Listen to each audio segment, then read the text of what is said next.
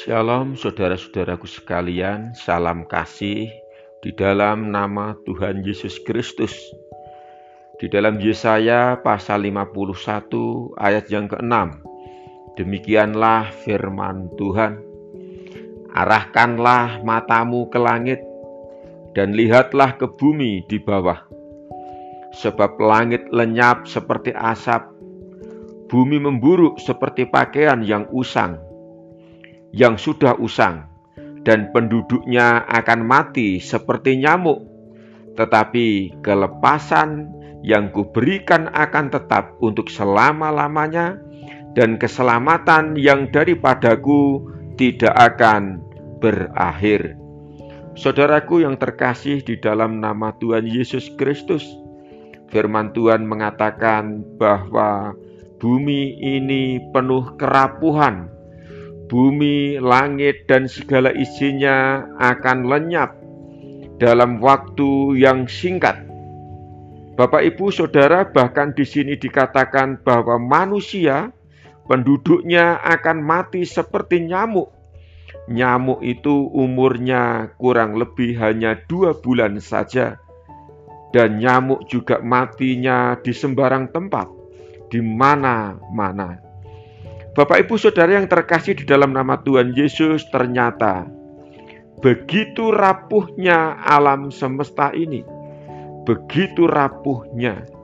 Bahkan manusia saja yang kelihatannya kuat, gagah, bahkan sombong hanya bisa dikalahkan dengan suatu makhluk yang sangat kecil yang tidak kasat mata seperti virus corona.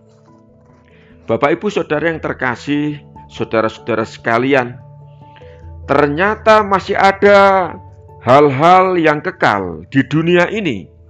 Mungkin di antara kita sebagian harus tahu bahwa ada sesuatu yang kekal yang ada di dalam bumi ini yang harus kita upayakan. Yang pertama adalah firman Allah. Yesaya pasal 40 ayat yang ke-8 rumput menjadi kering, bunga menjadi layu, tetapi firman Allah kita, Allah kita tetap untuk selama-lamanya. Yang kekal yang ada di dunia ini, yang sering kali kita sia-siakan adalah firman Allah. Untuk itu mulai sekarang saudara sekalian, mari kita sebanyak-banyak mungkin membaca, merenungkan, sebanyak-banyak mungkin menikmati makanan rohani, yaitu firman Allah. Karena firman Allah ini kekal adanya dan bisa menjadi kekal taat saat kita hidup di dalam kekekalan. Hal kekal yang kedua yang perlu kita ketahui yaitu roh kita. Pengkhotbah pasal 12 ayat yang ketujuh. Dan debu kembali menjadi tanah seperti semula dan roh kembali kepada Allah yang mengaruniakannya. Seringkali roh kita kita sia-siakan Tubuh kita kita rawat, tubuh kita kita pelihara. Sakit sedikit kita bawa ke rumah sakit, ke dokter yang terbaik dengan biaya yang cukup tinggi. Namun sedemikian sering roh kita kita sia-siakan.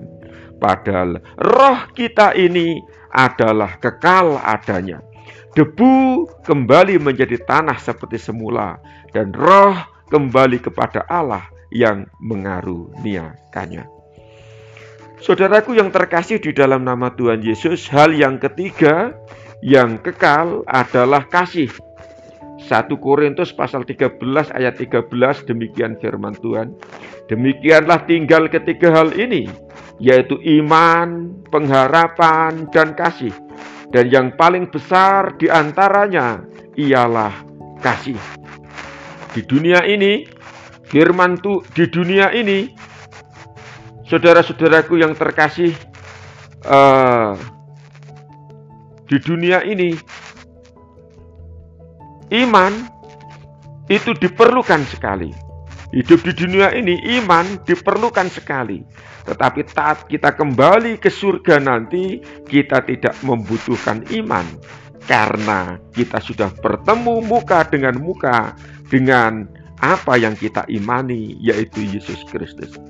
Di dunia ini, pengharapan begitu sangat penting. Kita perlukan secara khusus pengharapan akan hidup kekal dalam surga. Tetapi di surga nanti pengharapan itu tidak kita perlukan karena kita sudah berada di sana. Saudaraku, di dunia ini kita perlu kasih dan sampai di surga kita tetap akan hidup dalam kasih. Kita tetap mengasihi Tuhan kita dan kita tetap dikasihi Tuhan kita dan itu kekal selama-lamanya. Saudara, ternyata dunia ini rapuh, serapuh-rapuhnya. Namun demikian di dunia ini ada yang kekal, yang perlu kita upayakan, perlu kita perhatikan dengan sebaik-baiknya selagi kesempatan masih ada, yaitu firman Allah yang kedua, roh kita. Yang ketiga adalah kasih. Saudara, dengan firman Allah kita memiliki iman dan dengan hidup, dengan roh kita memiliki hidup. Dengan hidup kita memiliki iman dan di dalam hidup kita mempraktekkan kasih. Saudaraku, biarlah dunia ini lenyap dengan segala isinya, tetapi orang-orang yang mencari kekekalan akan hidup di dalam kekekalan itu sendiri karena Tuhan Yesus menolong dan menyertai kita. Shalom, Tuhan Yesus memberkati Bapak, Ibu, Saudara sekalian. Amin.